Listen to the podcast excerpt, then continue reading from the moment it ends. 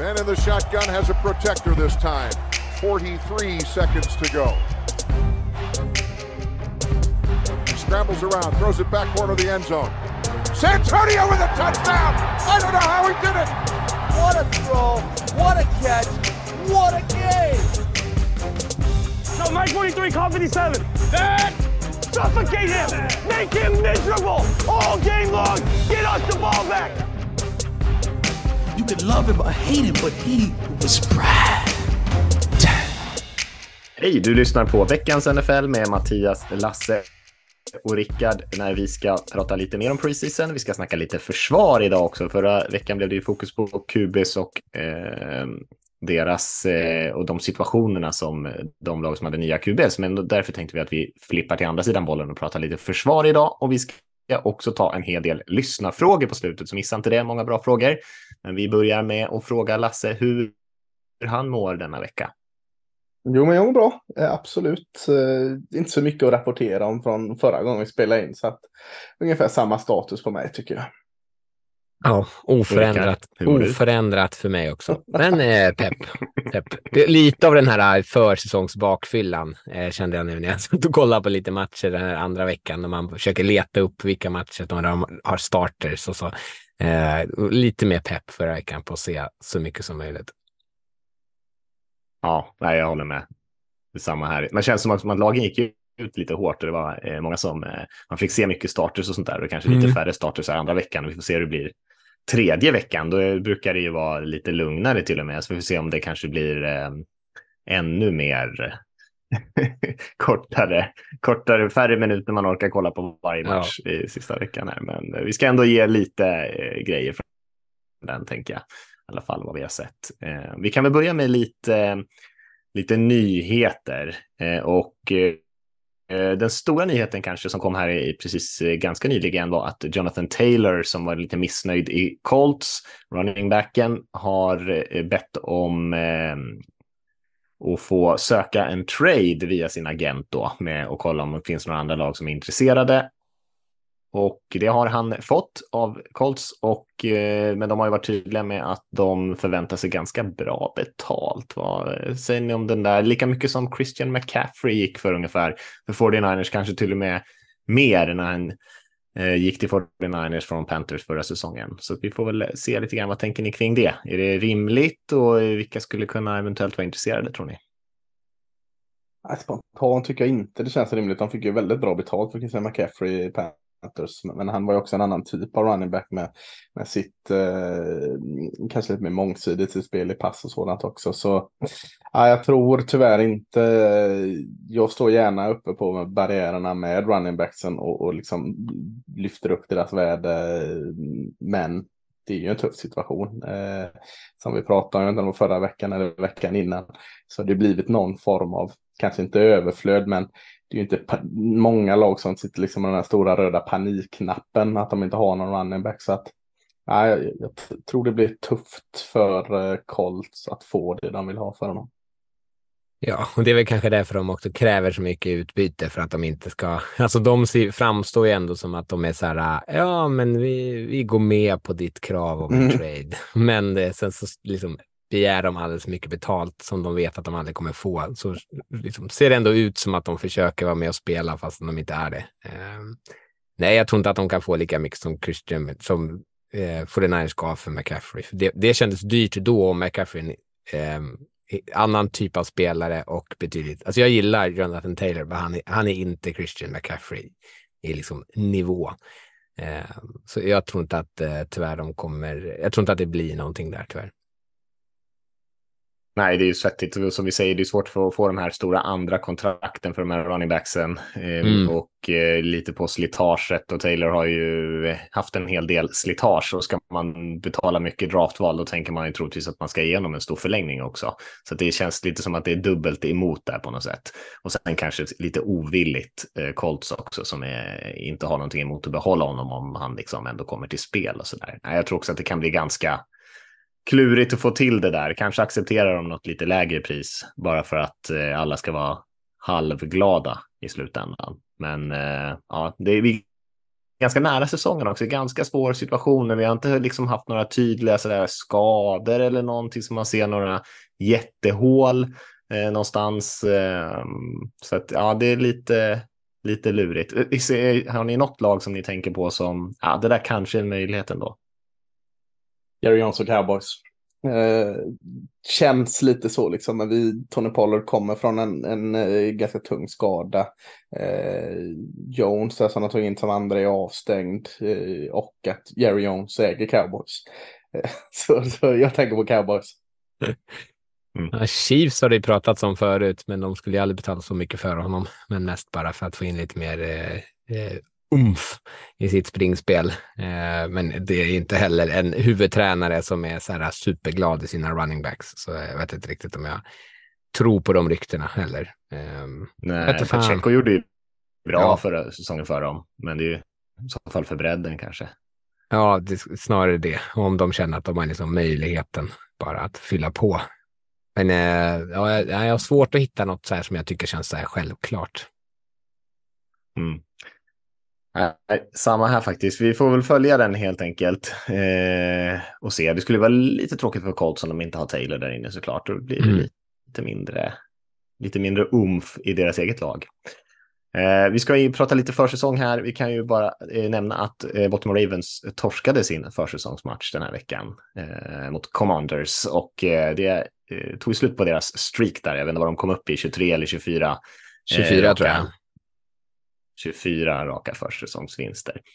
Eh, som såklart är ett NFL-rekord, men nu, nu är det slut på det. Kanske skönt för Ravens. Slippa alla rubriker. Slippa tänka på det.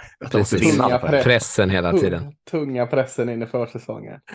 ja. Jag tror att eh, om det var eh, Commanders eh, kicker tror jag, eller någonting som gjorde det här loser-märket mot Ravens sidlinje efter att han hade ja, kickat in sitt field goal. jag vet inte riktigt vad som är roligast i det, att han gör det eller att eventuellt någon skulle ta illa upp av det. jag tänker mig att Ravens-spelarna bara, jaha, okej, okay, jag bryr mig inte.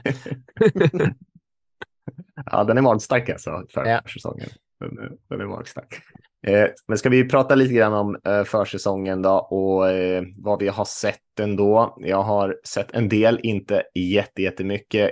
Eh, kan börja och nämna någonting. Kollade lite grann på Giants när de mötte Panthers. Eh, blev imponerade av eh, Giants anfall där, deras starters i alla fall. Eh, dels att eh, man gick ut och i stort sett bara passade bollen med sina, med sina starters och Daniel Jones såg eh, vass ut tycker jag och Darren Waller, eh, nyförvärvet där, Tyrenden var väldigt involverad, passblockeringen väldigt stabil ändå mot en ganska bra defensiv linje. Eh, och sen klev alla av direkt när de hade liksom kört över Panthers med en lång serie där. Men eh, jag tyckte ändå såg väldigt lovande ut för dem där. Och eh, ja, Giants, det är ju, de har ju sitt försvar där och får man lite rull i anfallet så kanske det är ändå ett lag att hålla lite ögonen på. Så jag tyckte det var lite intressant att se att de eh, ändå kom ut så kaxigt, spelade mycket tight ends inne på plan två och tre tight ends ibland till och med. Och ja, kanske blir det ett lite annorlunda Giants-anfall den här säsongen. Ja, roligt. Roligt med mm. Waller där tycker jag. Tycker du verkligen det? Mm. Eh, ja, men jag gillar honom ju fortfarande, även fast han har fel tröja på sig. Eh, men jag tycker att han passar ganska bra in där. De, jag har läst från deras camp hur ofta också Daniel Jones hittar honom. Så jag, jag, tror att han kommer kunna ha ett jättebra år igen.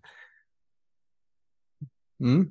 Mm. Och de enda man kan säga om Panthers där var väl att det såg fortfarande lite rörigt ut på deras online där. Och eh, Bryce Young, eh, ja, såg varken du eller bä ut den här veckan heller, utan var väldigt anonym insats. Ja, jag såg våra två lag där Mattias, eh, Cowboys Seahawks. Eh, återigen mm. eh, Jake Bobo får jag ta upp här, det är eran wide receiver. Mm. Eh, älskar han UCLA, tycker han har startat kanon på försäsongen. Han är grym. Behöver inte ens Jackson Smith och Nygba längre, ni har Jake Bobo. Eh, Nej, verkligen. Och det är tur det, för Njigba gjorde illa sig där och opererat handleden efter den där matchen. Ja, ja. Så nu, nu är det Bobo time. Eh, mm. Kul. Eh, jag har inte så mycket att eh, skriva hem om det. Eh, han är lite god i den här Halton Ailers. Han ser absolut inte ut som en QB. Men eh, en god liten eh, satt eh, Tim Tebow-karaktär ni har där. Hur såg eh, lilla Deuce ut då? Vi pratade inte om honom förra veckan, era running back i, i Cowboys. Svinfin. Eh, en touchdown, jag vet inte om du har sett den Mattias, där eh, bedrövligt försvarsspel är det egentligen, men eh, att springa rätt in i en liksom och dansar ur den och så sidsteg, sidsteg fram, sidsteg fram, sidsteg in. Liksom, han är ju eh, precis så som man, man vill att Dusson ska vara. Eh, sen syns det ju ganska ofta att han väger lite för lätt. Det har varit konstigt annars om inte det hade märkts av, men som ett alternativ så kommer han vara en sån här som rullar eh, highlights på för att eh, det är oerhört underhållande att se honom. Ja, gud vad kul. Älskar ju det. Mm. Det stora hela kan man väl säga att Cowboys såg lite, lite vassare ut än Sia också. Det är kanske inte så konstigt, det är ju också kanske ett bättre lag också. Men eh, jag tyckte Bojan Maffei såg ganska bra ut för Sia också. Han har sett bra ut i båda de här försäsongsmatcherna än så länge. Pratar om han hela tiden på den sändningen. Det är så jobbigt med försäsongen när det är hemmalag eller Ja, ena var ju lagskommentatorer. Seahawks-kommentatorer. Maffe hela tiden alltså. Det är så trött på honom. Ja, det var kul också eftersom de pratade rätt mycket positivt om Seahawks trots att Cowboys dominerade ganska ordentligt där. eh, Men de eh, ignorerade alla Cowboys-spel och bara sa ah, vilken fin tackling där, nio yards ner i plan Ja, nej, det får de väl lov att göra tänker jag. Alltid kul att höra en av Bennett-brorsorna vara med lite i studion också. Då brukar det vara ganska underhållande om inte annat. Visst, visst. Ja, Rickard, har du, har du sett Eh, något skoj? Ja, jag försökte försöka följa upp lite vad vi pratade om förra veckan. Så, eh, jag, ville, jag kollade på Broncos 49ers, mest för att se ifall Broncos anfall skulle se lika konstigt ut. Eh, det var lite bättre, men den här linjen är fortfarande jävligt skakig och Russell Wilson får fortfarande en del panik och behövde springa för massa yards, och, och vilket kändes så här, fan, man bara skrek hela tiden, så här, det är försäsong Wilson, lägg dig ner. Ja. Eh, lite galet. Eh, men jag kände mig inte så jättemycket lugnare med deras anfall. Eh, och sen eh, 49ers så tyckte jag, om vi pratade förra veckan om Trey Lance med hans obeslutsamhet, så är det ju en helt annan, en annan typ av tempo i anfallet när Brock Purdy spelar. Eh, för han tvekar ju liksom inte, han bara drar bollen direkt och allt går så sjukt mycket snabbare med honom än vad det gör med de andra. Eh, så jag förstår ju att de har, eh, att de känner sig säkra på honom som starter. Jag tycker att anfallet rullade på ett betydligt bättre sätt med honom inne. Även fast han fortfarande inte gör allting rätt hela tiden, men eh, bara det att han liksom vågar lägga bollen i tuffa situationer eller att han, att han liksom inte är rädd eh, gör jättestor skillnad. Mm. Verkligen, ja, det ser ut som natt och dag där jämfört med Lance. Ja. Eh, Eh, kolla, ja, jag kan nämna bara, eh, Mm, vi pratade kanske lite om Dorian Thompson Robinson, Browns rookie-QB förra veckan, fick ju lite cred för sina matcher hittills den här försäsongen. Jag tyckte han spelade bra igen, liksom han eh, fick ju spela väldigt mycket och det var ju lite blandat, lite bra, lite dåligt, men på det stora hela tycker jag ändå att han är imponerad. Det är ju ändå Eh, inte spelat mycket snaps där i proffsligan än så länge, men han ser ändå ganska bekväm ut tycker jag. Det är kul att höra. Jag, jag gillar ju honom. Han, eh, för det som inte nördar ner så mycket på college så var han ju hypad in i college. Började bedrövligt men liksom var en sån spelare som successivt varje år blir bättre och bättre och bättre. Där chansningarna blir mindre eller färre och färre och färre. Så att det är kul om man liksom kan fortsätta den utvecklingen. För det var, det var en sån QB som man så verkligen tydligt såg liksom att han utvecklades åt rätt håll varje år. Så att eh, ja, det var eh, kul att höra att liksom det går fint för han här i branschen. Ja, eh, jag såg, eh, om jag då får ta över här, så såg jag också Miami mot Houston. Eh, dels för att se CJ Stroud, jag tyckte jag såg lite bättre ut den här veckan, även fast det liksom inte riktigt sitter. Men det är skillnad bara av att de, att de har lite mer... Laramie Tunsil spelade nu tror jag, eh, så linjen spelade bättre. Så eh, ser bättre ut, inte helt clean fortfarande. Och med eh, Miami så kastade ju, trodde jag ju att det skulle vara värsta kaosen. Jag ville ju kolla på Tua hur det gick. Det första han gör är att kasta en interception till eh, en linebacker, till Denzel Perryman tror jag det är, eller vem det är som plockar den. Eh, som var så här eh, idiotisk och sen så har de problem med snappen på andra spelet. Eh, så allt såg ju så kaos ut. Men sen direkt efter det så går de liksom en 98 yards serie för touchdown och då såg det cleant ut igen. Eh, och Raheem Mostert springer ju jättefint och de lyckas skapa jätteluckor för honom, eh, vilket såklart är skitviktigt om de ska springa med bollen mycket där i Miami för att avlasta Tua lite så att han inte får massa hjärnskakningar i år. Eh, men det känns ändå hoppfullt med Miamis anfall tyckte jag. Underskattad running back Mose tycker jag. Han får ja, jag håller med. Mm. Ja, men jag, jag tycker imponerad också, för jag, jag, liksom så som man har pratat, eller det som så här, min bild av Mostert när jag prat, tänker på honom med det här uh, outside zone-spelet. Han springer ut lite ut mot mm. sidlinjen och bryter och så, så här, när han har så öppen gata så är han snabb fan nog och bara utnyttjar det. Nu så sprang de i, man, lite enklare spel liksom. Så det är inte så konstigt. Det var ju du som sa någon gång att det bara var inside zone, inside zone, inside zone och det var ju typ det nu också.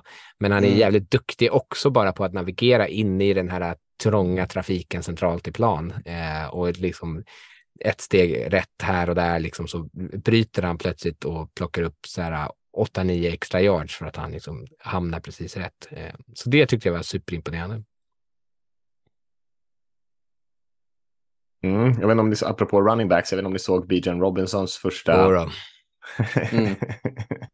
Slam dunk. Ja, det där tycker jag är kul med försäsongen, för man ser man tittar, tittar på de här spelarna och man tänker, ja, är det liksom tredje running backen? Ja, ser spännande ut liksom. Och sen så kommer det in någon så här supertalang som, som Bijan är då. Och, och man bara märker att det är en viss skillnad liksom i eh, beslutsamheten, explosiviteten i rörelserna och ja, eh, bara liksom eh, ja, imponerande att han kunde, liksom, att det var hans första spel också dessutom som var så, som ett stort springspel, liksom, där han ändå skapade lite själv dessutom. Det var inte bara ett gigantiskt hål. Mm. Leendet skiner lite extra på de spelarna. Det är bara, ja, är ja, man mår bra av att se honom. Eh, mm. Ja, underbart. Jag har inte sett så mycket mer, eh, alltså jag har mer hoppat runt och kollat lite highlight och det är väldigt taskigt att dra någon form av matchanalys eller större analys kring en highlight. Så att eh, jag tog en lite lugnare vecka två försäsong faktiskt. Ja, för jag kryddar på mig lite mer Mattias, eller? Ja. ja, jag såg ju lite av den här Ravens Commanders-matchen också. Say Jones ser ju lika bra ut. Nu, det pratas ju om honom konstant ifrån deras camp, men han såg ju också jävligt bra ut. Eh, riktigt eh, snygga routes. Jag förstår att eh, Väldigt många hade dem högt på sin eh, eh draftbräda, eh, rookien där. Eh, och sen eh, noterade jag förstås, Mattias, vi pratade lite om det här innan sändningen, att Anthony Richardson bland annat och an många andra starters i Colts inte start eh, spelade, eller deras anfall. Eh, vilket du, du då sa var att det var lite väl kaxigt. Jag, jag tyckte ändå om mm. att de inte spelade honom, men jag tycker att så här, jag tror att de vet vad de har eh, i honom och vem han är och de inte behöver eh, springa ut med honom under försäsongen och liksom göra en massa saker som de kanske ändå inte kommer be honom göra under säsongen. För jag tror att det de kommer göra är att springa honom skitmycket eh, och liksom eh, och ha det här enkla och anfallet och han behöver inte kliva ut där och stå och träna på att lägga så här konstiga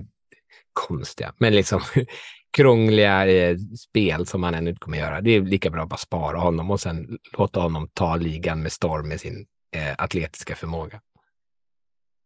Jag gillar att du redan har kritat in att han ska ta liksom, ligan med storm. Absolut.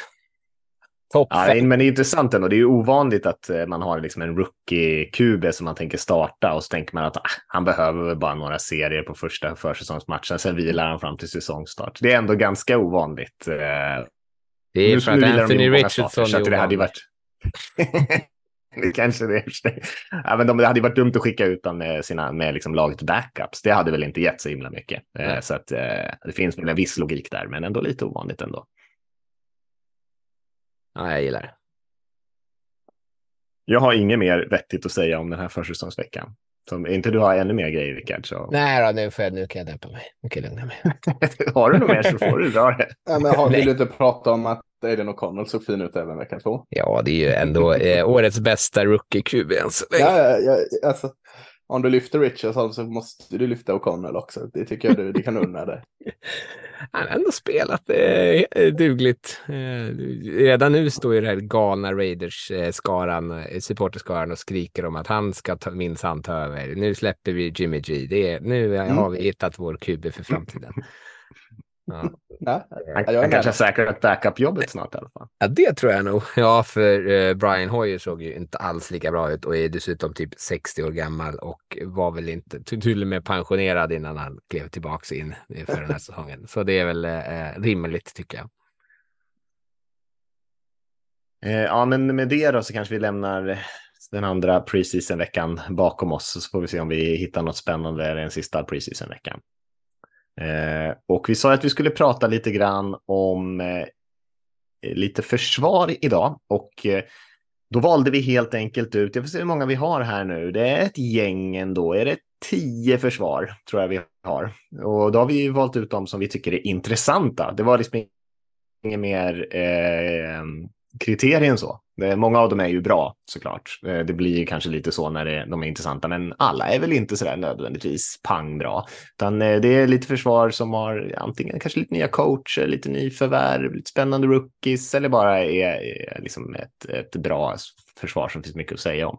Så vi har valt ut ett par stycken som är intressanta där och vi kan väl börja med Dallas Cowboys tycker jag och då kanske vi kan släppa in Lasse direkt som har dunderkoll på Cowboys.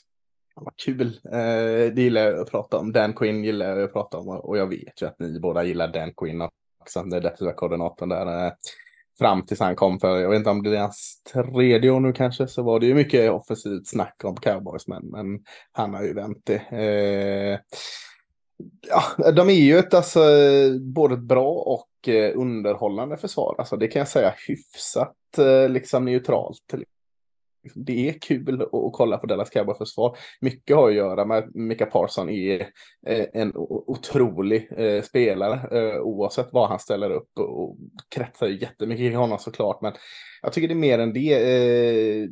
Dan Quinn verkar alltså lita på fri roll går inte att jobba med såklart. Men, men han, han jobbar väldigt mycket till exempel med tre safeties, ibland en linebacker liksom och, och låter dem rulla runt ganska fritt här. Så att Eh, jag tror det är väldigt lätt att liksom plocka ut eh, spelare för spelare i Cowboys försvar och säga att det här är ett försvar som var bra förra året och kommer bli ännu bättre i år. Eh, de har kryddat med veteranen Stefan Gilmore, cornerbacken från Colts, eh, som ska spela på en sida och Diggs på andra sidan. De har tog Massi Smith, eh, tunga nose eller D-tacken för att plugga igen deras liksom, stora svaghet, eh, springförsvaret. Eh, och egentligen inte tappat några sådana nyckelspelare så att allt talar för att det ska bli ännu bättre här. Och jag försöker väl sänka mina egna förväntningar lite och hitta saker som kanske inte är så bra. Så att jag säger ändå att springförsvaret kanske inte ska lägga alla ägg i, i en rookie som möjligtvis valdes lite högt för att säga att det är löst. Så, så möjligtvis att springförsvaret är någon form av kanske inte svaghet men ett frågetecken i alla fall, för annars har jag ganska svårt att hitta vad som är dåligt med Cowboys försvar. Nej, jag tycker att det Nej. ser jättebra ut. Masse Smith kommer ju bidra bara av att han är stor. Eller liksom, mm, ja, det ja, hjälper ju. Han, hans uppgift är ju inte så här eh, helt sjukt avgörande heller för anfallet och de har ju Jonathan Hankins som de kan rotera in. Eh, ja. I lite samma typ av roll och vara liksom en, en, lite tyngre eh, tackle. Eh, nej, det, jag tycker att det här, den där truppen på försvaret ser svinbra ut.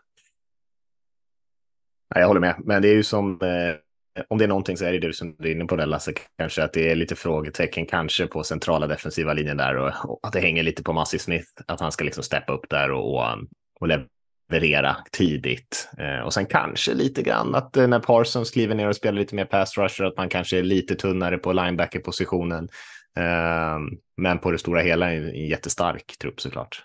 Ja, jag tänker att han har en ganska fin plan, den Quinn, för han har ju byggt upp med ohyggligt djup. Jag vet inte om ni har deras trupp framför er här nu, men kollar man bara på depth charten här eh, på deras edge rushers så är det enormt djup. Eh, alltså Dante Fowler är edge rusher nummer sju typ. Så att uh, han är ganska förberedd att skulle det märkas att Parsons saknas hans uh, skills lite längre bak så är det väldigt enkel rokad bara att plocka upp nästa edge rusher och dra ner Parsons som han spelade förra året. Så att där har han en plan.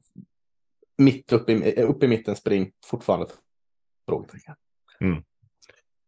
Ja, men hoppas att någon steppar upp också så att de slipper plocka bak Parsons där, för han är ju mm. eh, kanske, han är bra överallt, men han är ju eh, unik på, som pass rusher får man ändå säga. Eh, och, och, det är kanske till och med viktigare att få den liksom och verkligen eh, hoppa ordentligt. Så är det ju såklart, såklart. Men, men jag skulle säga att det här, det är också svårt att säga när man inte har alla. Men befintligt säga att det här känns som ett topp fem försvar alltså, i NFL just nu. Och det vet jag fasken jag har sagt om Cowboys försvar eh, tidigare. De har, det tycker jag absolut att de har potential. Mm. Men då, ja, då har jag ju också högt förtroende till Parsons. Och att det ja. alltså kommer vara liksom nyckeln i det. Både att han kommer få mycket pass rush eh, för jag tror att det är det som kanske kommer vara avgörande. Eh, men eh, nej, det, det är eh, absolut ett försvar som ska vara där uppe och, och slåss om att vara topp fem. Om vi hoppar vidare så har vi kamraterna i Philadelphia Eagles där, där det har skett eh, lite förändringar. Rickard, du kanske kan eh, inleda där lite grann. Eh, ja, och det är ju fortfarande, även fast det har skett lite förändringar, det, framförallt så är det ju Javon Hargrave man har tappat på defensiva linjen, så är det ju fortfarande ett försvar som är liksom eh, fullproppat med massa stjärnor. Eh, den defensiva linjen är fortfarande bra, Jalen Carter som de plockar in, rookien här nu, eh, är ju, ja, nu har jag mest bara sett alla hans highlights som har rullat. det ser ju väl jävligt bra ut och han var ju kanske draftens bästa spelare, bara att det var liksom andra saker som kanske gjorde att laget tvekade att välja honom. Eh, hamnar i en omgivning som är ganska tacksam då med många st starka ledare och dessutom eh, många andra bra spelare runt omkring sig. Eh, Sen är kanske så här, det som jag känner mig lite tveksam kring är väl kanske deras secondary eventuellt, om det inte är så mm. supervass där. Eh, jag tror ju samtidigt att de kommer avlastas ganska mycket, precis som i fjol, av att de får mycket press med eh, sin, sin linje och, eh, och de inte kommer behöva hålla i så väldigt långa spel. Eh, men eh, och där är det väl eh, kanske framförallt tycker jag väl att safety-paret där med Reed Blankenship och Terrell Edmonds inte är, är det så supervassaste. Jag hoppas ju förstås att min draft crush eh, Sidney Brown ja. kliver in och tar en startroll där. Det tycker jag att han såklart ska, han är deras bästa safety på, i truppen. Hur känner man, Mattias, du har ju haft, han var väl senast i Sioux eh, nya defensiva koordinatorn där, vad heter han, Sean eh, Desai eller hur säger man det? Eh, det är också, det får man Han är inte han från det... Ja, Bears innan, Bears. jag tror han var ja. typ ett år i också eller något, något konstigt sån här eh, hittepå-roll för att han skulle få en plats vid sidan. Eh, men, men alltså ju inte honom som defensiv koordinator, men det är ju in facto en ny defensiv koordinator. Det kommer ändras. Eh, hur kommer det påverka eh, försvaret? Så det, det innan det har blivit ett utropstecken så får det ju vara ett frågetecken tänker jag.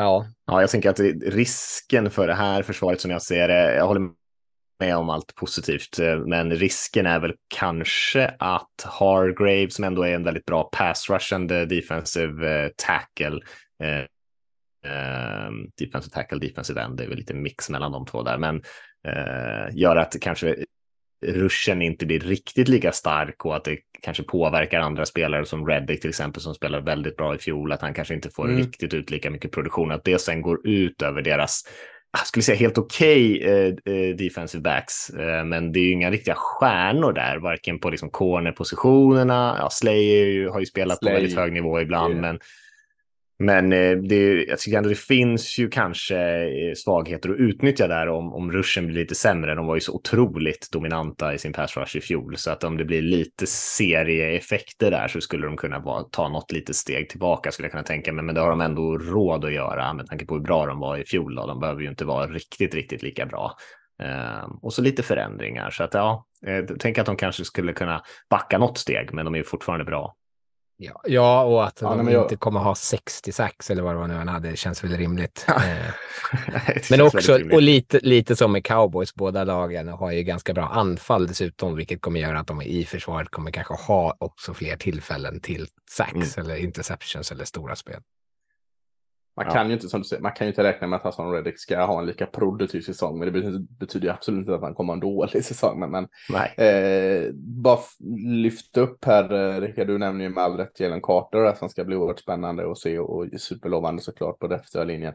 Tycker också vi kan nämna Jordan Davis igen som fick gå av relativt tidigt har jag för mig i säsongen. Skadad, såg ju, kom ju in i det bra snabbt och såg bra ut. Så att även Jordan Davis är ju, om inte ny så i varje fall eh, inte många starter och eh, kan nog bidra eh, ganska snabbt med eh, igenpluggning av mitten.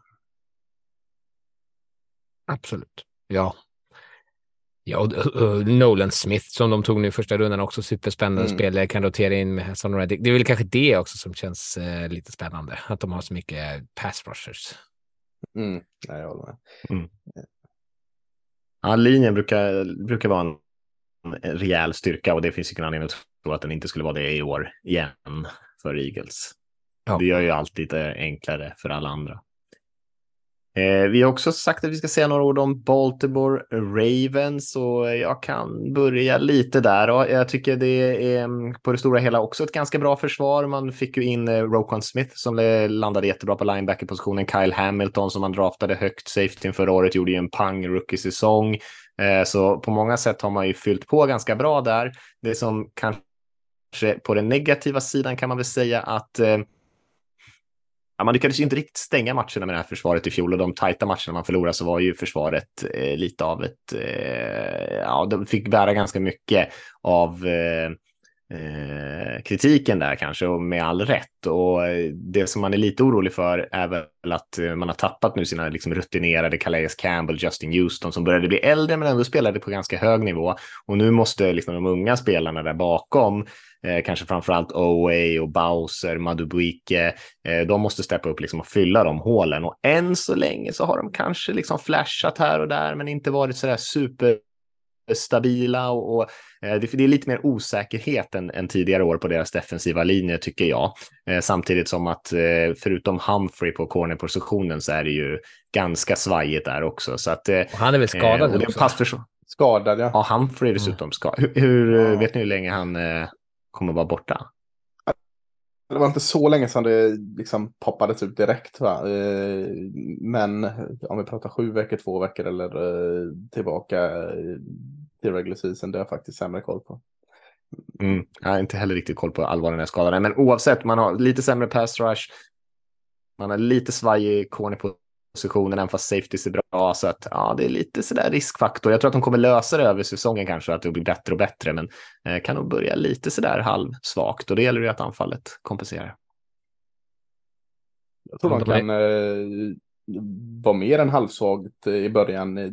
Ravens är med på den listan. Eh, jag tycker att Ravens vara med på den listan, men de är med lite mycket, eller kanske till och med mycket på grund av gamla meriter, att Ravens ska vara med på en försvarslista för att Ravens försvar är historiskt sett eh, gottigt att se. Eh, många av de här hålen du tar upp, de, de ser, ser jag med och, och ser många andra också. De finns där. Du pratar om secondary där den skadad just nu. Humphrey är eh, visserligen väldigt bra corner, eller safeties, men eh, corners. Ja, eh, edge rusher. Ja, finns spännande namn, men som du också säger, det är upp till dem att bevisa det nu. Rockman Smith, grym såklart, men annars eh, Patrick Quinn eh, gör ju numera mer dåliga matcher än bra matcher. Eh, så att ja, jag, jag, jag ser inte riktigt Ravens som ett eh, topp 10-försvar i alla fall. Nej, alltså på pappret ser de inte riktigt ut att ha det. Sen är de ju oftast jävligt välcoachade. Eh, Så är det. jag tycker ju om eh, Mike McDonald som tog över förra året. Jag tyckte han gjorde det bra. Det var inte lika mycket av det här galna blitzglädjen som under Wink. Eh, och vilket gjorde att deras corners kanske inte sattes i lika eh, taskiga situationer. Eh, men det är fortfarande ett relativt aggressivt försvar. Eh, och det är väl kanske också det som gör att de är så jävla roliga att titta på. Eh, men eh, det är väl, alltså, jag tror ju ändå. Jag tror ändå att de kommer vara dugliga och jag hoppas ju snarare kanske man ska säga då, på den här utvecklingen som du Mattias är inne på där. Eh, på Ojaba och Owe och Madubuike. Ma, Madubuike. Eh, och att det liksom lossnar lite. Jag vet inte vad Jadavian Clowney kommer ha för typ av roll nu som har plockat in honom. Eh, Just det, han är det. Ja. Eh, men Mm, det, han är ju inte så mycket av en pass rusher nu för tiden, utan mer Nej. en springförsvarare. Han har aldrig riktigt varit mycket av en pass rusher. Mer Nej. av ett namn och ett coolt college-spel eller någonting annat. Eh, men ändå på något sätt finns det då kanske ett djup där. Eh, nej, men eh, ja, jag är väl också orolig över cornerback-gruppen. Vi hade ju Rockas in hos oss i Vegas. Inte så, så här superstabil. Han hade ju det var ju något stat som rullade över att han inte hade haft en enda flagga eh, för pass interference. Det är också kanske för att han typ hade läst. Han var aldrig på bollen. Han var aldrig nära bollen. Jag tror att han låg typ ashögt i så här tillåten separation i, i man-man eh, försvar. Eh, så eh, om de kommer liksom skicka huset och hoppas att han ska hålla upp på ena sidan så kan de eh, nog eh, räkna med att det rinner till lite där bak till. Mm. Eh, En, eh, en rookie som eh, kan vara lite kul och om man ska lyfta en sån är ju linebackarna tog, jag kommer inte ihåg om det var andra eller tredje rundan, Trenton Simpson från Clemson som är lite av den här speciella nya rookien som känns som en 50-50 när man kommer till NFL, den här hybriden som kan, Mm. som är väldigt specifik i sin roll.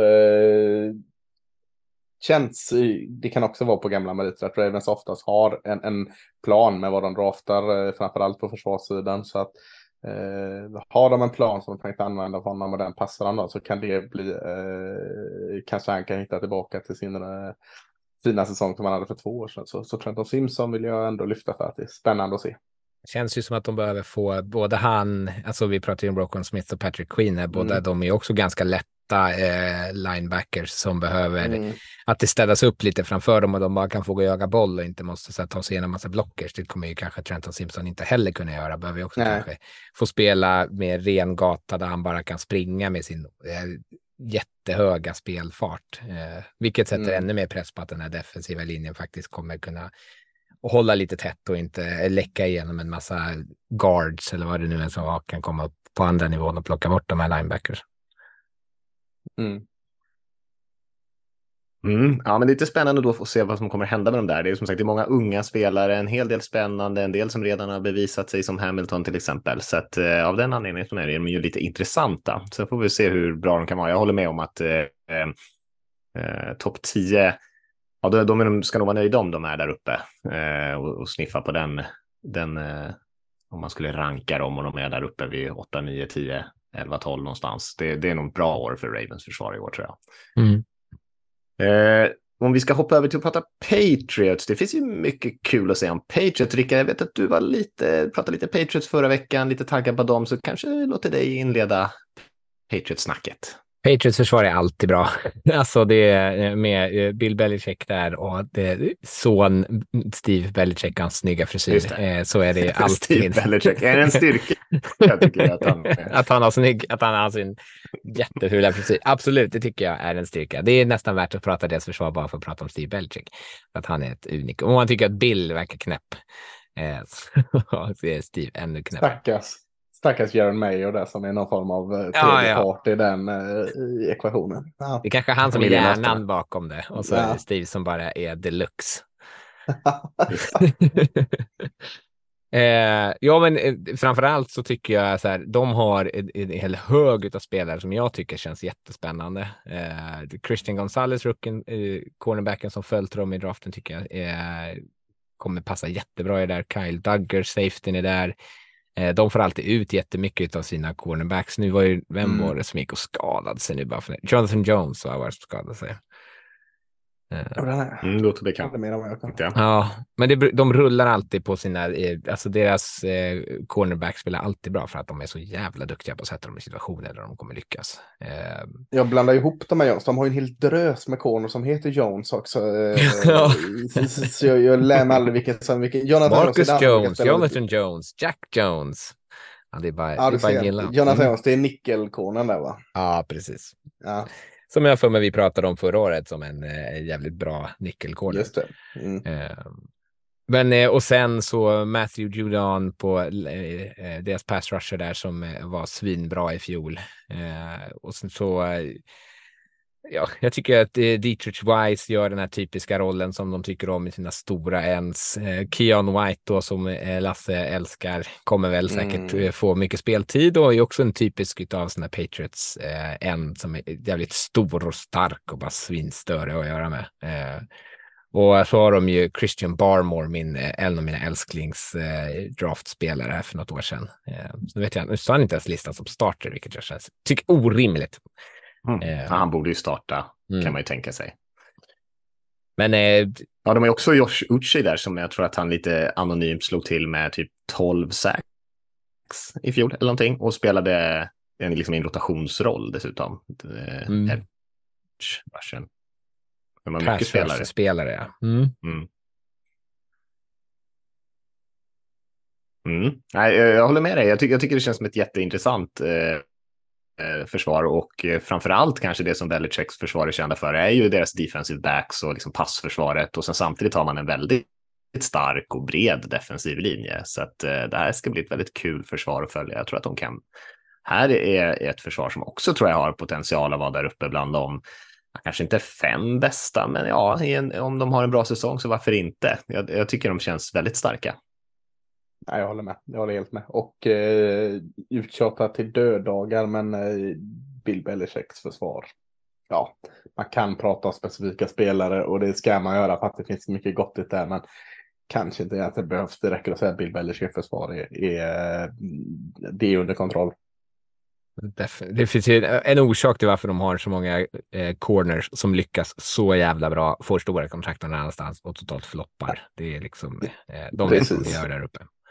Precis. Ja, eh, ska vi hoppa vidare?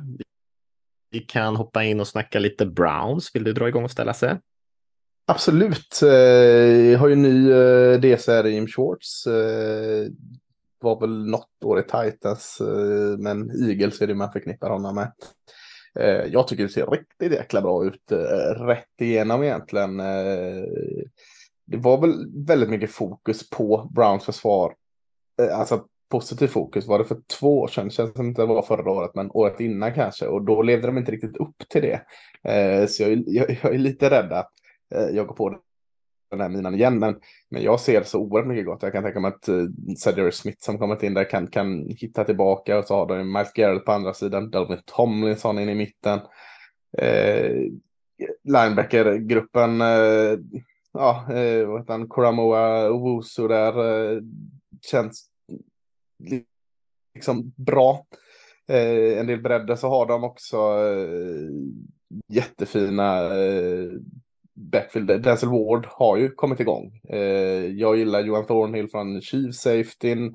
Grant Mm. Delpit, Martin Emerson, eh, hade jättefina sådana, Greg Newsom. Så att de har massa, så många starka namn som gick högt till draften som, som, som sitter där. Och kanske är det lite som vi pratade om med, eller som du sa Mattias, med där, att ja, nu ska de här också upp till bevis lite, vissa av dem. Miles Garrett ska ju såklart inte upp till bevis, men, men många av de andra namnen man pratar om så kanske ska, måste lyfta sitt spel ytterligare en nivå. Men kanske att det är lite dåligt djup här. Alltså kollar man bak i rotationen så är det inte lika eh, känns inte lika spännande eller i alla fall inte lika starkt. Så att, men, men den elvan plus ett par namn de ställer upp eh, tycker jag ser oerhört välbyggd ut. Och så tänker jag att Jim Schwartz får jobba med den här eh, så kommer det bli än lite bättre än vad det då kanske var för två år sedan. Så att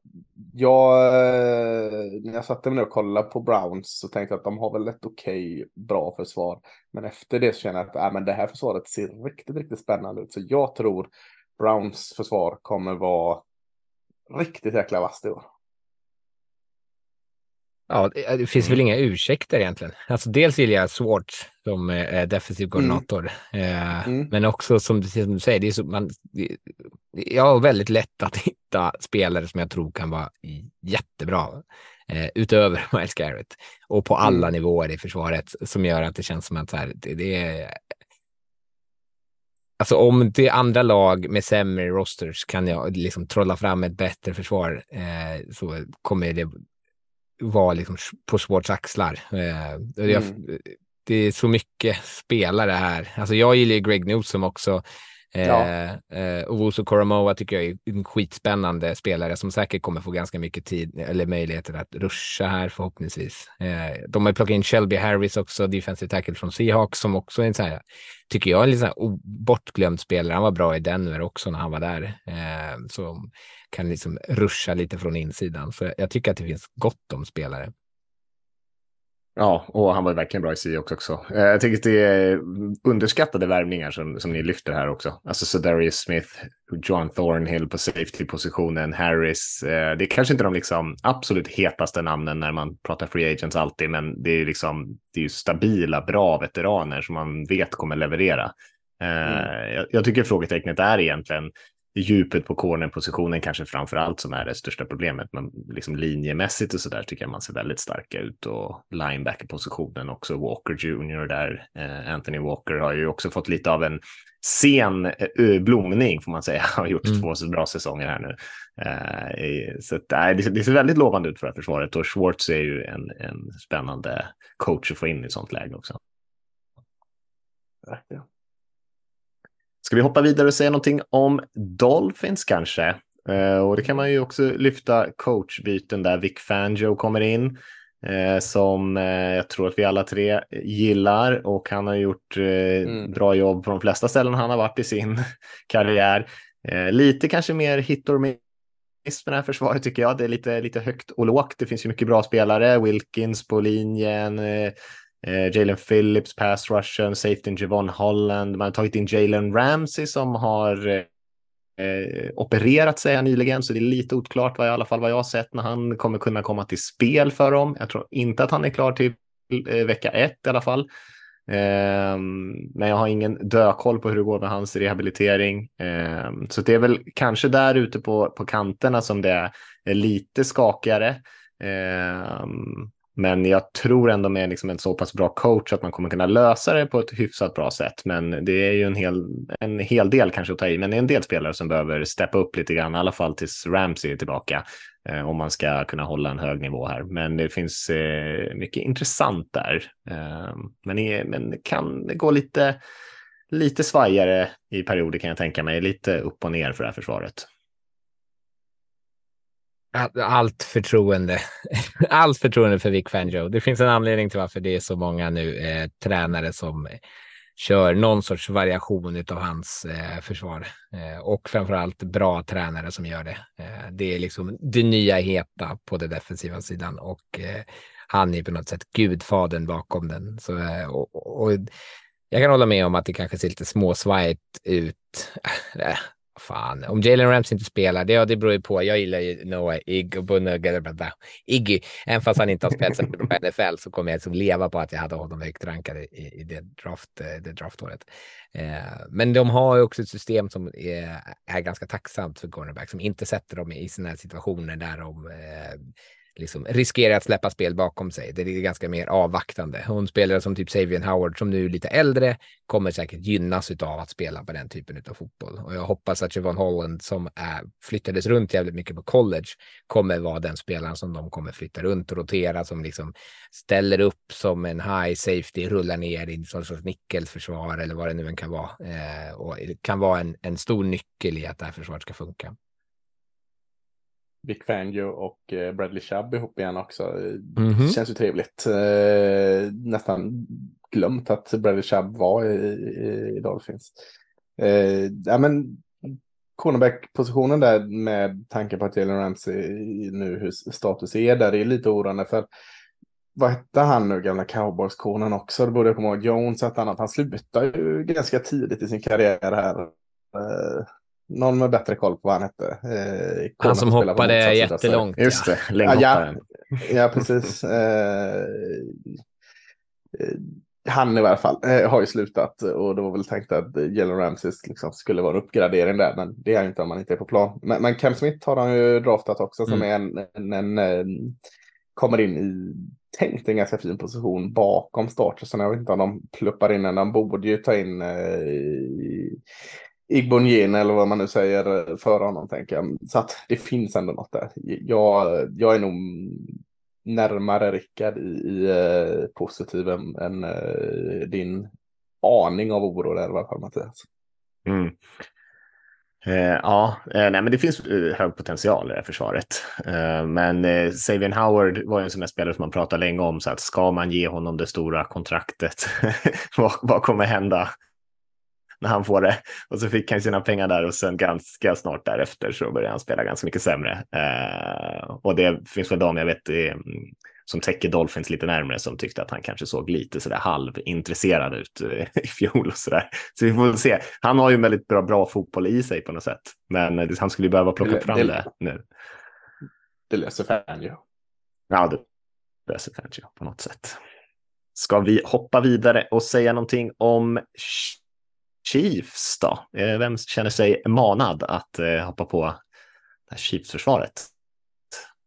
Känns ju som att Rickard ska hylla dem här nu med Spag. Eh, ja, det var, det var därför jag inte riktigt vågade så här, ta ordet, men jag, jag gör gärna det. Alla, ja. Jag tänker att alla gärna pratar om Spag, så jag, när vi satt och gjorde den här listan förra veckan så, så sa jag du Lasse, vi måste ha Dolphin, eller vi måste ha Chiefs med för att vi måste prata om Spags. Eh, Chiefs defensiva koordinator pratar vi nu om, då, alltså Steve Spagnuolo som är eh, också, bara om man vill titta på roliga försvar så är han ju jävligt kul att kolla på. Mest för att de har, eh, och det har vi tjatat om i den här podden också, men att de liksom maskerar så sjukt mycket och så skickar gärna lite blitzar, kommer lite från sekundär, flyttar spelare hej vilt fram och tillbaka eh, och allt bara för att på något sätt röra till det för motståndarens QB så att de kan få någon extra sekund på sig. Eh, men det här är ju lite som vi var inne på förra veckan också. Det är ju ett försvar som kräver att Chris Jones är där och att han spelar och att han är så där bra som han är. Eh, och nu så sitter de i den här kontraktssituationen som fortfarande inte är löst vad jag vet. Eh, men det hoppas jag att de gör. Och jag tror att det här försvaret med George Karlafti som de plockade i första rundan förra året, defensive end, att han kommer ta ett steg fram. Jag tycker att han sett bra ut här under försäsongen. Eh, de har massa spännande spelare. Nick Bolton, linebacken där i mitten, eh, har ju varit jätte, jättebra. Flyger runt och tacklar varenda boll som finns. Eh, och ett ungt spännande secondary som borde ta ett steg framåt efter fjolåret. Eh, sen är det väl en chansning på att de ska fortsätta liksom utvecklas så som de gjorde. Eh, och de spelade kanske stundtals över sin kapacitet egentligen förra året. Eh, och sen så älskar jag ju eh, rookien eh, Felix mm. Enodike Osuma som de plockade i första rundan i år, den defensive enden också, så att han kan rulla in lite där, där ibland. Eh, känns kul. Eh, och lite som vi sa med Eagles, det här är ju ett försvar som eh, kan och vet att de kan spela lite riskfyllt eftersom att de har ett anfall som kommer lösa alla problem i alla fall. Mm. Utan Jones på linjen så ser det ju lite... Mm. ja, det är ju jätte, jätteskillnad.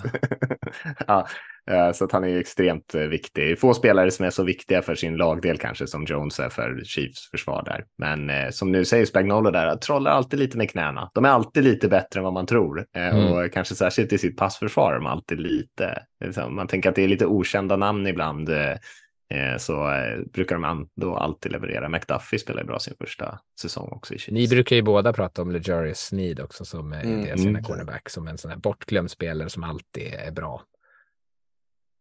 Visst. Ja, jag, jag, jag gillar ju inte alls eh, Anadiko Zuma, eh, edge rushen där. Så ja, men du spelar det förstås. Ja, eh, jag, jag, gillar däremot George Karloftis. Jag tror han kan dessutom eh, steppa upp och bli kanske typ ett utropstecken än mer år två här. Eh, så, så, det är ett orosmoment att eh, bakom honom en andra årsspelare, så, så ser inte jag riktigt eh, edge om, som båda ni har sagt upp, än mer stryker under att Chris Jones är, om Spagnola är nyckeln till det försvaret så vet jag fasken om inte Chris Jones är ännu viktigare.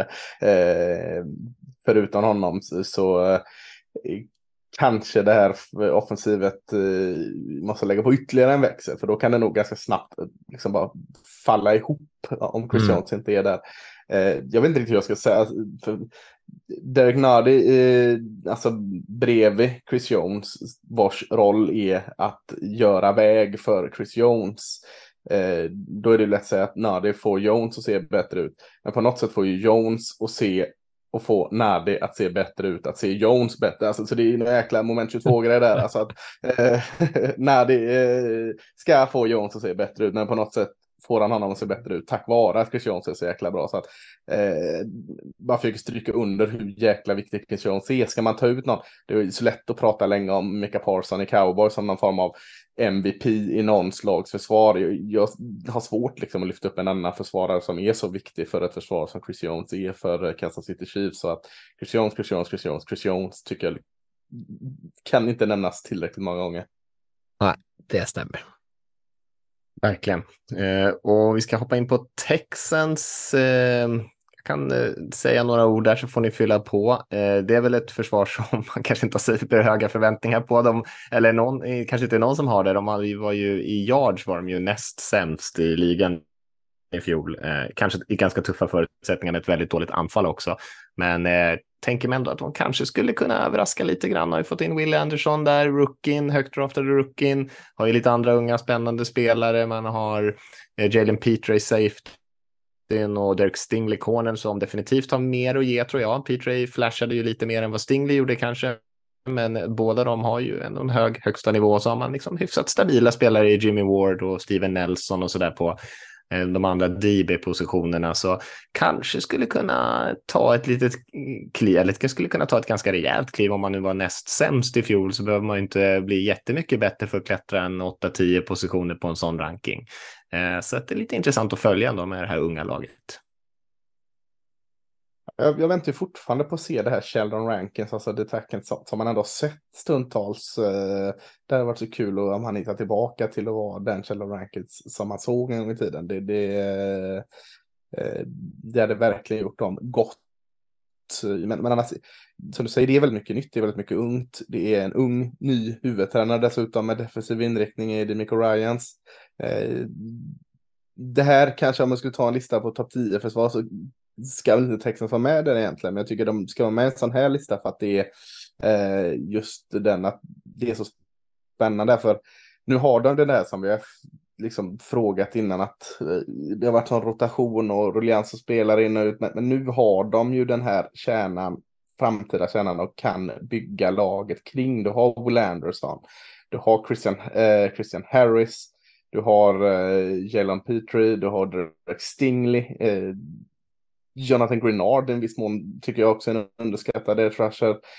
Så nu har du den här eh, gruppen av fem, sex försvarsspelare som om man sköter det rätt kan vara ryggraden i fem, sex år framåt och bara bygga det här försvaret till att bli bättre och bättre och bättre. Så det tycker jag är jättekul att se eh, vad, vad de här unga ledarna som de på något sätt redan är, vart de tar detta försvaret tillsammans med eh, Demico Ryans.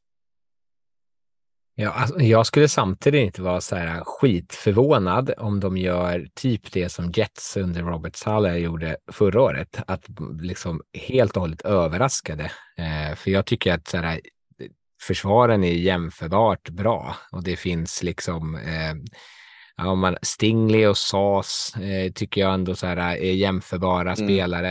Eh, jag tycker att de har, jag, jag älskar ju P-Trade liksom. Så jag, jag, jag ska inte vara jätteförvånad. Jag tycker ju om Will Anderson ser ju skitspännande ut. Sen ska man kanske inte lita för mycket på att man ska få ut asmycket pass rush produktion från en rookie. Liksom. Det är ganska kaxigt. Men Malik Collins spelade bra för dem faktiskt i fjol, fast jag har, han lämnar en bitter smak både i min mun och kanske också i din Lasse. Eh, han var ju bättre mm. hos er i Dallas än vad han var i, i Raiders. Eh, nej men, och, och sen Denzel Perryman som de plockar in, linebacker från Vegas, är, är ju liksom en ganska stabil eh, pjäs i mitten av försvaret så länge han inte skadar sig. Eh, Christian Harris, den andra linebacken där. Jag tycker ju, mm. tycker ju att det är spännande med eh, Henry To'o To'o, eh, linebacken. Det var också Alabama, va? Eh, som eh, mm kanske inte kommer få asmycket speltid, men ändå känns som en spelare som kommer, kommer kunna rotera in lite. Alltså, jag tycker ändå det finns ganska mycket kvalitet i det här försvaret som gör om man då har förtroendet för att Demico Ryans kommer kunna liksom eh, coacha upp dem jävligt bra. Och han är ju väldigt omtyckt och han är väldigt energisk, ganska lik, lik Robert Sala. Eh, skulle kunna få lite liv i det här. Sen är väl de kanske inte kommer vara topp 10, men åtminstone ett ganska stort kliv upp och vara bättre. Mm, jag håller helt med. Håller också med, mycket möjligt. Och eh, om vi ska hoppa vidare, nu har vi två lag kvar här och vi kommer till Jets. Eh, och eh, de njuter vi lite av någon form av eh, hard knocks hype här och de kanske med all rätta, de var ju i yards räknat var de ju det bästa försvaret i NFL förra säsongen. Lasse, vad tycker du? Är de värda den här hypen? Eh, jag som inte har sett ett avsnitt av uh, än, jag har ju missat hypen här då som kanske eh, rullar på Hardnox, men det tycker jag väl att de är. Uh, Sallad som, som vi pratade om och har ju gjort ett, ett fint jobb med dem väldigt snabbt som Rickard pratade om. Uh, men lite, jag är lite rädd för en, en, reaktion här på att de, de, eh, för de överpresterade förra året. Det behöver inte alltid vara något negativt att, liksom, när man säger att något eh, försvar överpresterar. Eh, jag tror kanske ett steg tillbaka är att vänta sen hur stort steg tillbaka det är. Det är väl det som återstår att se. För att jag, jag ser fortfarande frågetecken i det här försvaret. Jag menar Quinn, Brennan Williams kanon såklart. Eh, Så Skadner är eh, redan en superstjärna. Men sen är det, du kan hitta bra, eh, alltså CJ Mosley, linebacken där och, och andra spelare. Men ja, jag vill se mer, en sån som jag älskar till exempel, Jermaine Johnson, edge rushen från Florida State, såg stundtals kanonbra ut, men jag vill se mer av honom. Jag, jag, vill, jag vill se att han tar ytterligare steg upp och, och bidrar mer. Jag, jag, Eh, jag skulle vilja se mer av, av eh, secondaryt eh, än bara så skadan. Det är ju en förenkling såklart, men, men mer liksom eh, konstant än vad det var. Eh, trots att det inte var upp och ner förra året så känns det ändå lite som ett upp och ner försvar. Så att jag är lite skeptisk till att, säg inte att det är ett dåligt försvar, absolut inte. Men jag är, jag är lite skeptisk till att eh, det kanske blir en ytterligare utveckling år två i varje fall. Trots att jag, har stort förtroende till, till Robert Salah och, och vad fan heter han? Ulbrich, vad heter han? Han heter något fult efternamn. Det ja, Jeff Ulbrich. ja, så heter han, just det.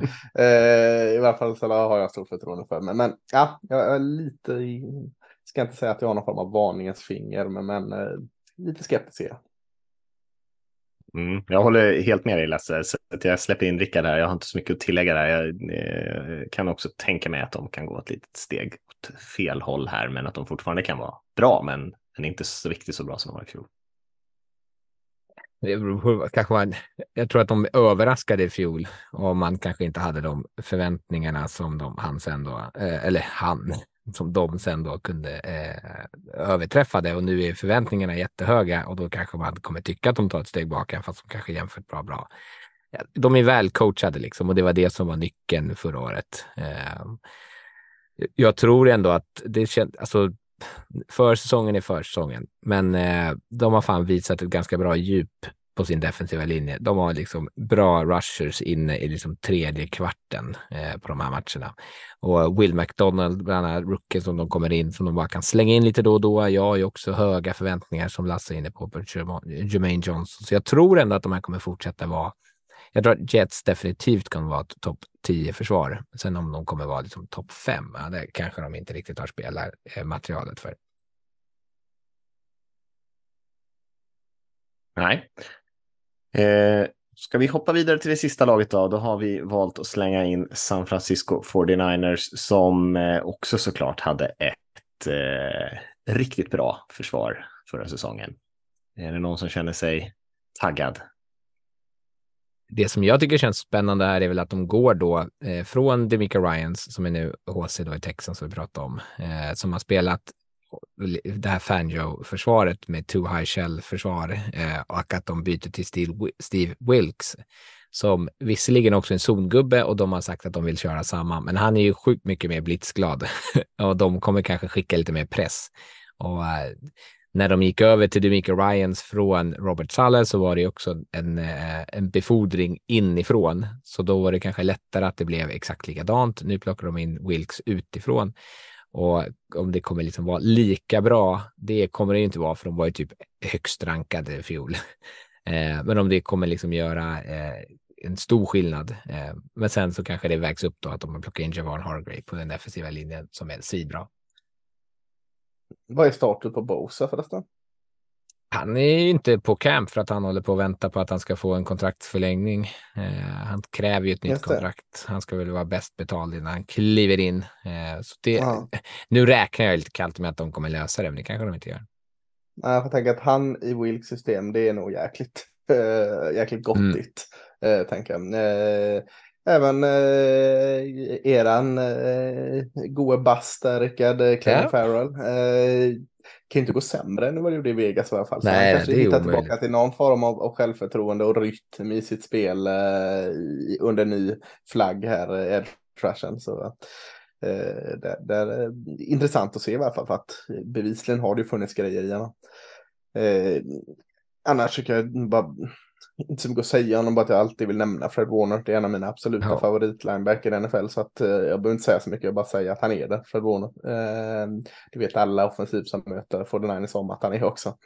Eh, sam på samma sätt så vill jag nämna Talanoa Hufanga, safety där. Han är det. Det vet alla eh, offensiva NFL om att eh, grymme Hufanga är där. Han spelade faktiskt i fjol. Ja, det gjorde han verkligen. Ja, spännande. Jag, jag, tror, eh, jag tror att de här kommer vara riktigt, riktigt bra. Eh, skulle jag tippa ett försvar som kommer bäst nästa säsong så skulle jag nog ändå tippa 49ers. Eh, för jag tror att de kommer vara lika bra som de var i fjol och kanske till och med snäppet vassare. Just för att de får in Hargrave mm. och Eric Armstead som var kanske inte riktigt sig själv förra säsongen. Eh, får en extra liten push av att Hargrave är inne och, och om Bosa nu kommer in till spel och så där så tror jag att de kan kanske vara till och med ännu snäppet vassare på defensiva linjen. Och sen så som ni lyfter linebacker-positionen är de ju dunderstarka på. Eh, Hufanga på safety är de också jäkligt bra för. Det är liksom eventuellt då eh, cornerbredden lite grann mm. som skulle kunna oroa mm. lite. Men jag tror att de kommer lösa det genom att vara lite bättre på sin linje. Så att, eh, nej, men jag, jag, är väldigt positiv till det här 49ers försvaret. Jag tror inte att de har blivit sämre, snarare kanske till och med snäppet bättre ganska tunt, förutom kanske eventuellt på linjen då, framförallt om Drake Jackson kan ta ett kliv fram, men ganska tunt annars också på linebacker-positionen och tunt bakom eh, safety, tungt bakom om man nu tycker cornerbacks ens är värda jättebra, men ganska tunt bakom. Börjar de drabbas av någon skada här eller där så är det ju ett ganska känsligt försvarsbygge tycker jag. Mm, många är ju lite taggade på Isaiah Oliver som kommer in. Eh, att han skulle kunna eh, väga upp lite på cornern. Eh, spela bra ja, ja, ja. Jag ska, hade inte haft jättehöga förväntningar. Sen brukar de lösa det där, där i, i 49ers ändå. Men eh, fan, jag har, inte, jag har inte tyckt att han har varit särskilt övertygande tidigare. Nej, eh, lite mer positiv än er då, just för 49ers. Eh, ja, är det något mer vi vill nämna? Jag har pratat ganska mycket försvar här nu, va? så ja. vi ska mm. faktiskt lämna lite tid åt annat också. det kanske vi faktiskt ska göra. Vi ska ju ta lite lyssnarfrågor. Eh, ja. Och eh, det är en glad mix här. Vissa är lite snabbare, vissa är lite klurigare. Eh, vi fick en fråga från Mikael Holtenmann som undrar om Mike McDaniel, Dolphins headcoach, då, är han en bra headcoach eller är han bara en cool snubbe? Undrar han. Säger ni om den? han är ju en cool snubbe i alla fall. Eh, men det ena behöver ju inte utesluta det andra tänker jag. Eh, men än så länge så har han väl lite mer att bevisa tycker jag väl. Eh, men jag vill ändå tro, tro på honom. Eh, känns liksom ganska fräsch i sitt offensiva tänk. Ja, ett bra offensivt eh, snille ändå. Eh, sen är det väl det här med att vara, eh, vara head coach och ta beslut om hjärnskakningar och allt vad det innebär. Han var ju också i Washington när det var massa skador där med RG3, så han kanske har ett dåligt mentorskap hur man ska hantera spelarskador. Men eh, ja, eh, cool snubbe och kanske lite vänt och se på, på HC. Mm. Uh, ja, nej, jag håller med. Jag tycker att han har fått en bra start ändå som HC mm. får man ju säga. Sen får vi se hur, uh, det är väl ofta att hålla i det där under en, ett, ett par säsonger som visar om man verkligen eh, står ut som en, en av de bättre. Cool snubbe. Så, cool snubbe i alla fall. Mm.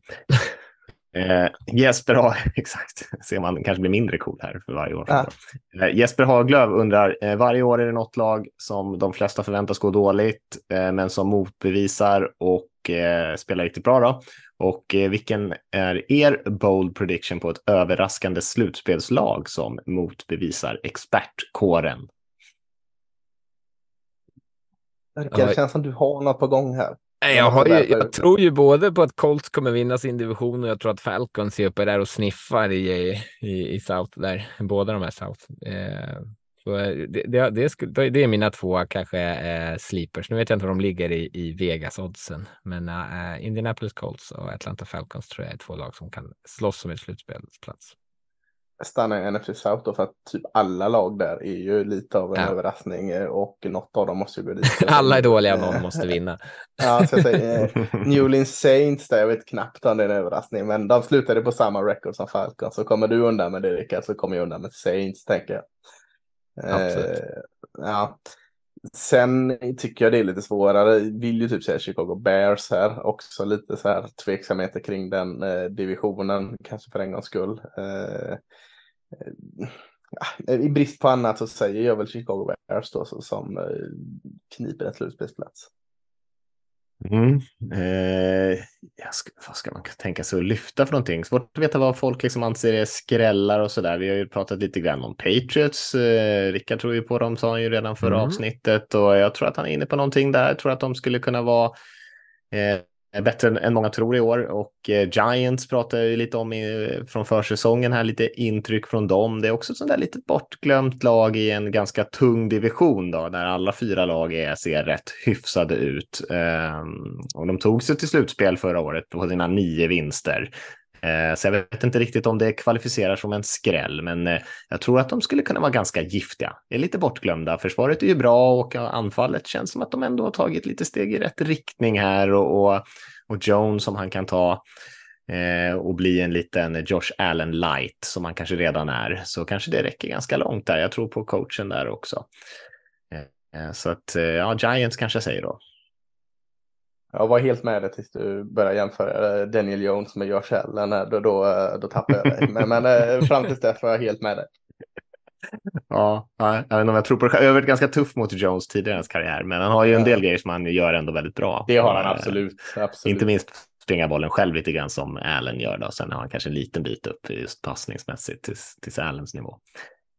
Eh, Johan Sporre skriver, finns det någon division som kommer få oväntat många vinster? Kommer vi till exempel överraskas av något lag i NFC South som eh, slår till med 12 vinster eller någonting? De möter ju AFC South och NFC North eh, som är, kanske inte anses vara de starkaste divisionerna. Vad tror ni där? Finns det någon division som ni tror, ja, den här är oväntat stark?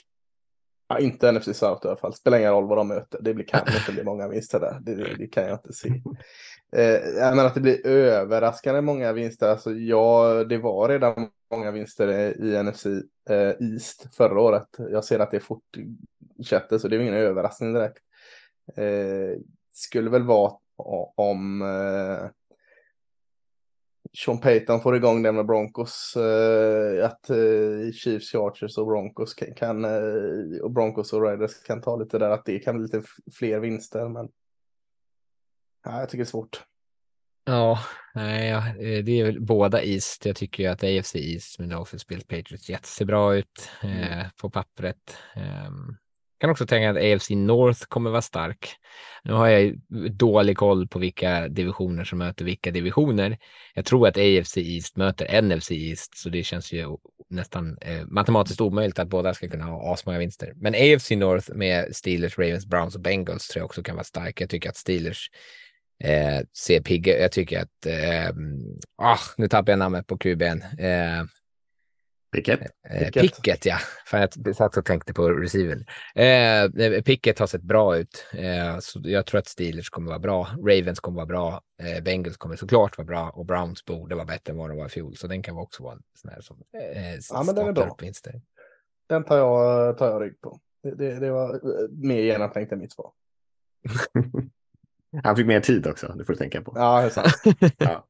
Uh, ja, nej, jag, jag tror inte det finns så mycket annat som jag kan tänka mig att lyfta. Jag gillar ju också AFC North. Uh, jag är lite het på Browns där. Jag tror att de kan vara lite oväntat bra. Var väl också en sån här kandidat som kanske skulle kunna vinna oväntat många matcher i år. Uh, men annars känns det som att mycket av de divisionerna som var starka i fjol, East-divisionerna och uh, nej, AFC North, det är väl de som kommer vara bra i år också. Det, Svårt att säga så mycket om de södra divisionerna. Jag tror inte det kommer hända så himla mycket spännande och även i de västra så, ser, så har vi ju AFC West ser starkare ut än NFC West, men där finns det ju ett par lag i, i NFC West som, som jag tror kommer dra ner det där vinstsnittet. Eftersom om vi pratar om hela divisioner så är det nog de som ni redan har nämnt för mig också.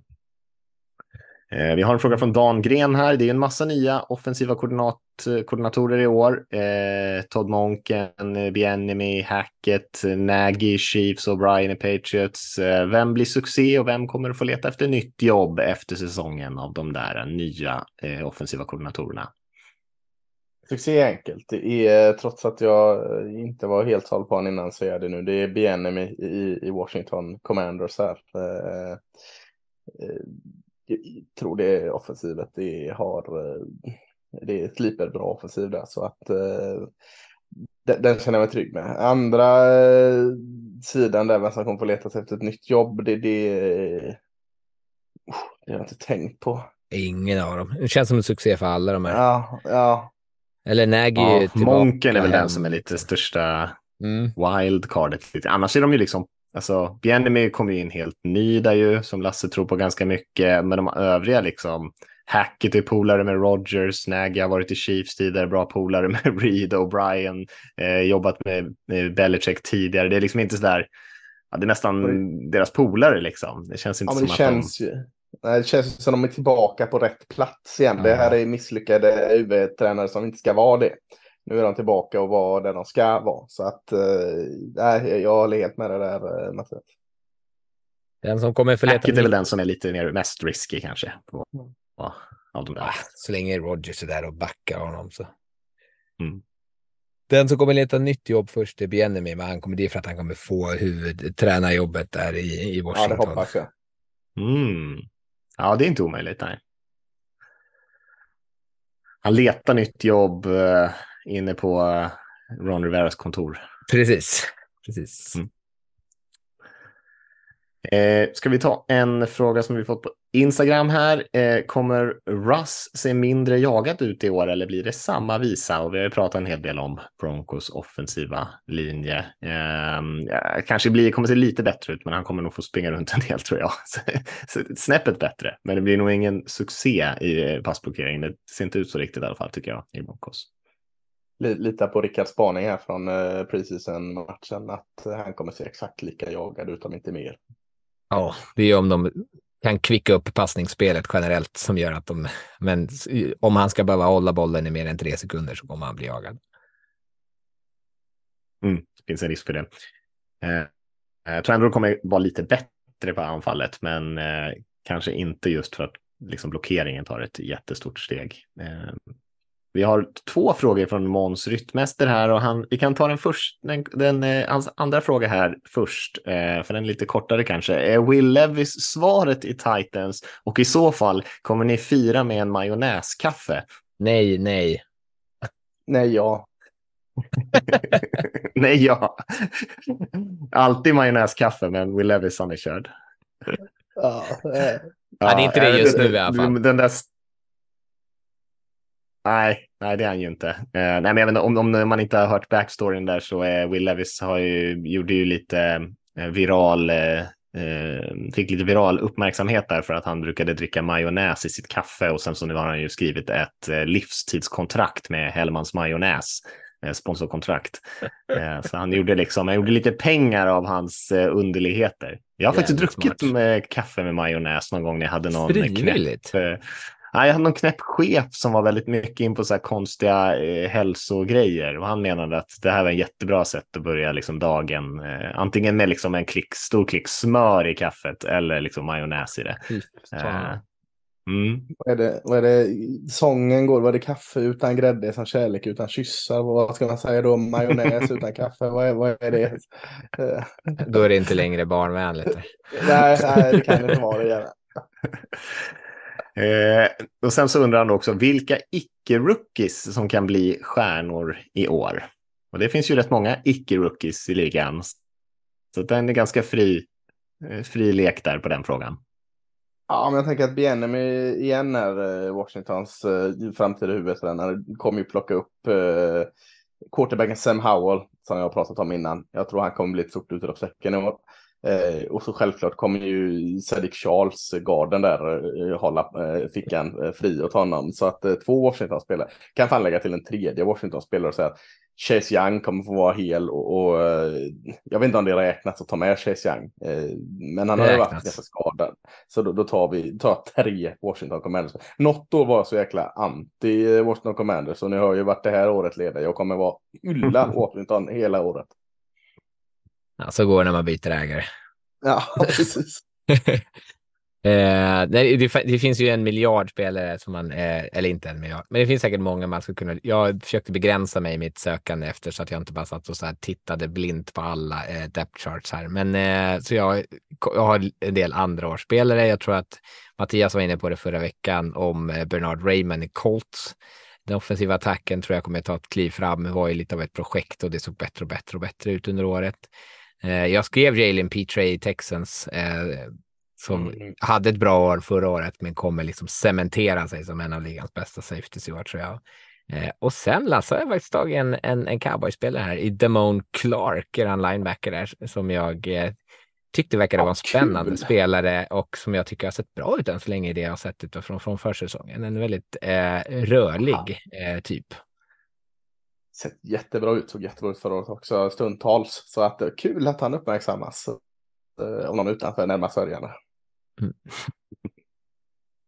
Eh, ja, jag kan lyfta någon kanske. Eh, lite linjespelare kanske här också då. då. Eh, vi gjorde ju en sån här i, i NFL-guiden i år så brukar vi alltid lyfta några och då hade vi bland annat med Gregory Rousseau som spelar för Bills, som eh, kommer ur mm. college och var lite av ett eh, projekt också, kanske mycket fysiska kvaliteter. Kanske inte riktigt fått ihop det med alla sina pass rush moves och sådana där grejer. Eh, men som spelar bättre och bättre tycker jag och nu börjar han liksom närma sig någon form av genombrottssäsong.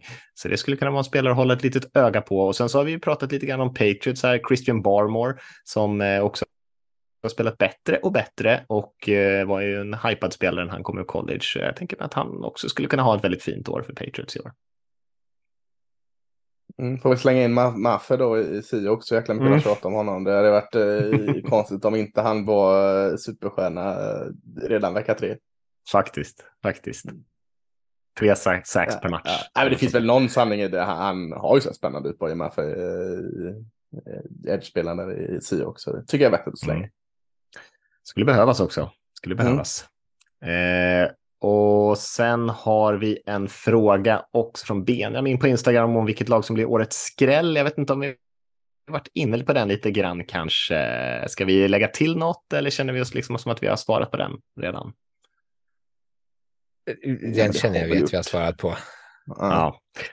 Eh, från Swedish Broncos Collector på Instagram då, om running backs i slit och slängpositionen i anfallet. Vilken är det i försvaret? Och så ger han två förslag. Är det liksom defensive tackle eller safety kanske? Säger ni om den? Jag skulle säga att en, en, en eh, Mike Linebacker i ja. slit och slängpositionen. Mm. Ja, det tror jag. Ja, det ligger nog bra till. Safety är väl också ett ganska bra förslag. Eh, eh, mm, försvar, eh, förslag också. Deep tackle känns ju ändå som att eh, där har vi ändå ett par riktiga difference makers. Vi pratar ju om Chris Och de är så svåra, så svåra att få tag i en riktigt bra deep tackle. Ja, så mm. eh, inside linebackers och safeties relativt enkelt att hitta next man up när man, när man jobbar med det. Ja. Verkligen. Och lite mer systemspelare kanske i ja. många safeties också, medan en kanske, som du säger Lasse, en stor spelare med atletisk förmåga, det är ofta väldigt svårt att hitta. Så det är ju därför offensiva tackles till exempel som kan röra sig, men samtidigt är liksom upp mot 150 pannor och det är lite samma sak på defensive tackle där. Om man har en explosiv spelare på 150 kilo är inte jättelätt att hitta. Nej. Eh, Viktor Roman skriver, beskriv en realistiskt lyckad säsong för era egna lag. Är det Raiders i Super Bowl? Frågar han gör en sån här eh, ögon-emoji. Realistiskt och Raiders, det har ju aldrig någonsin gått hand i hand. ja, nej, det blir fan ingen Super Bowl i alla fall. Uh, en lyckad säsong för Raiders vore en positiv trend för försvaret. Om vi kan vara typ topp 24 så är det det bästa försvaret sedan 2016. Uh, och går man liksom, ska vi vara topp 20, ja då är det typ bästa försvaret sedan typ 2002-ish. så det, det, det vore kul tycker jag. Ja, det är väldigt låga jag förväntningar. Ja. jag är skadad. Ja, jag hör det. Eh, men en fullt realistisk eh, för cowboys är ju Super Bowl. Det, det, är ju det som vi inte har klarat av. Vi har presterat ganska länge nu bra.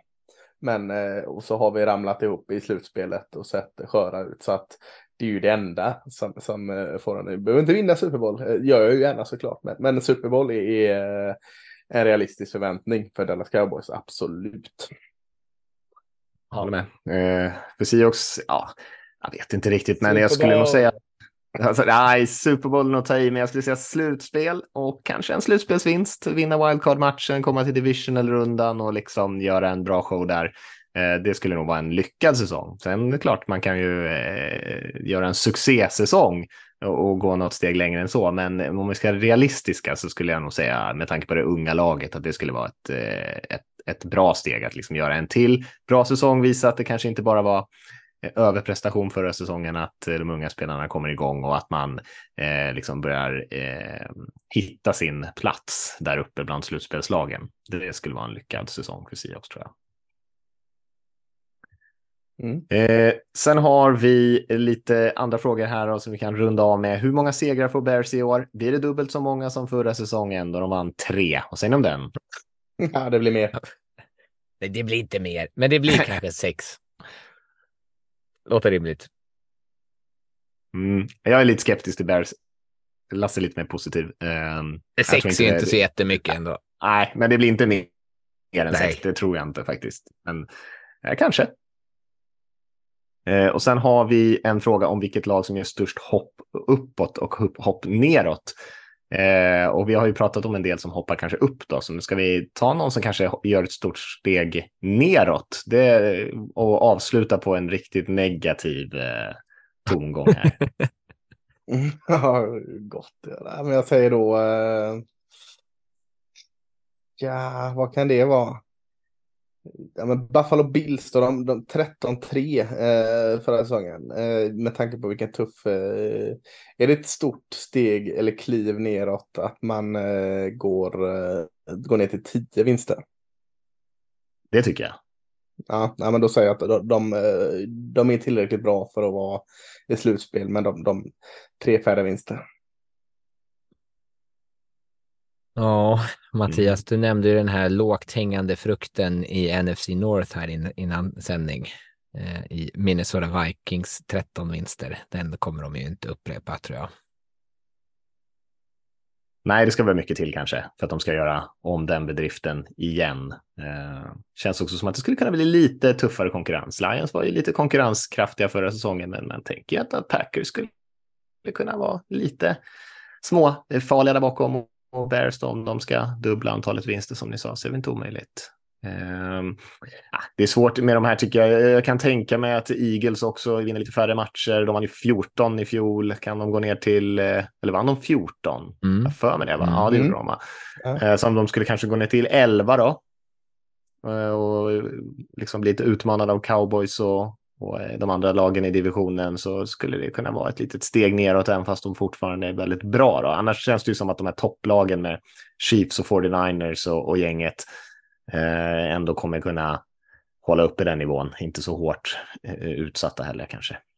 Bax jag ändrar mig så. Jag, Förresten. Ja, Från åtta tack. Det var det, det var det jag ville ändra till. Eh, åtta till två eller tre vinster. Ja. Yeah. Sämst i NFL.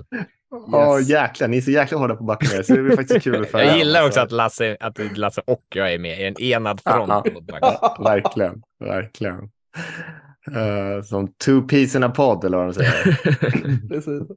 Ja, ja, nej visst, de kan ju absolut droppa. De, de kan ta ju, det ska ju mycket till om de ska ta sig till slutspel igen, så kan man i alla fall säga. Men uh, ja, ner till två vinster. Ja, spännande. Vi får se. Jag säger detta trots att jag inte helt gett upp på Baker Mayfield dessutom. Då fattar hur dåligt det är ställt. Ja. Just det. Just det. Eh, ja, men vi kanske rundar av så då. Det var, tack för alla frågor. Det var ju jättemånga Ja, bra frågor som vi kunde sitta och diskutera. Och vi kör säkert eh, flera sådana här frågeavsnitt eh, senare in eh, i eh, lite, eh, ja, när vi, säsongen har kommit igång här. Jag tror att nästa vecka kanske det blir lite power ranking och sånt där eh, och lite annat skoj. För vi närmar oss ju säsongen med stormsteg. Jag tror att vi har, så att vi hinner med två avsnitt till och sista så kommer det bli lite fokus på matcherna i sig. Så att eh, Mm. det blir kanske lite power ranking, kanske lite andra intressanta grejer som vi ska tippa och hålla ögonen på inför säsongstart nästa vecka. Och hur är det- Men, hur är det, eh, Mattias, Vi säger så. För, eh, ja, kör. In, innan du, jag är expert på att avbryta när du ska avsluta här, men, men jag tycker en Mm, gång till så verkligen. kan vi puffa för eh, NFL-guiden. Det är väl inte för sent att beställa den va? Nej, verkligen inte. Jag tänker Nej. att vi kommer säkert hålla öppet för beställningar eh, åtminstone till säsongstart tror jag. Så att eh, det kan man ju gå in och, och eh, beställa på eh, antingen på via nflsupporter.se eller så tror jag att det ska funka bra om man bara skriver in kortadressen nflguiden.se så tror jag man landar precis direkt på tidningen också. Lite finurligt så eh, kan man lösa det till och med på telefonen beställa. Så att eh, det är klart man ska göra. Perfekt. Nu ska du få ut oss. Ja, vad bra. Jag är så dålig på att avsluta poddar ändå, så ska du också avbryta mig. Så tar det alltid så här fem minuter att runda av podden. Eh, Men nu lägger vi ner och så hörs vi igen. Nu vecka. läget. Ha det fint. Ha det bra. Ja, det gött.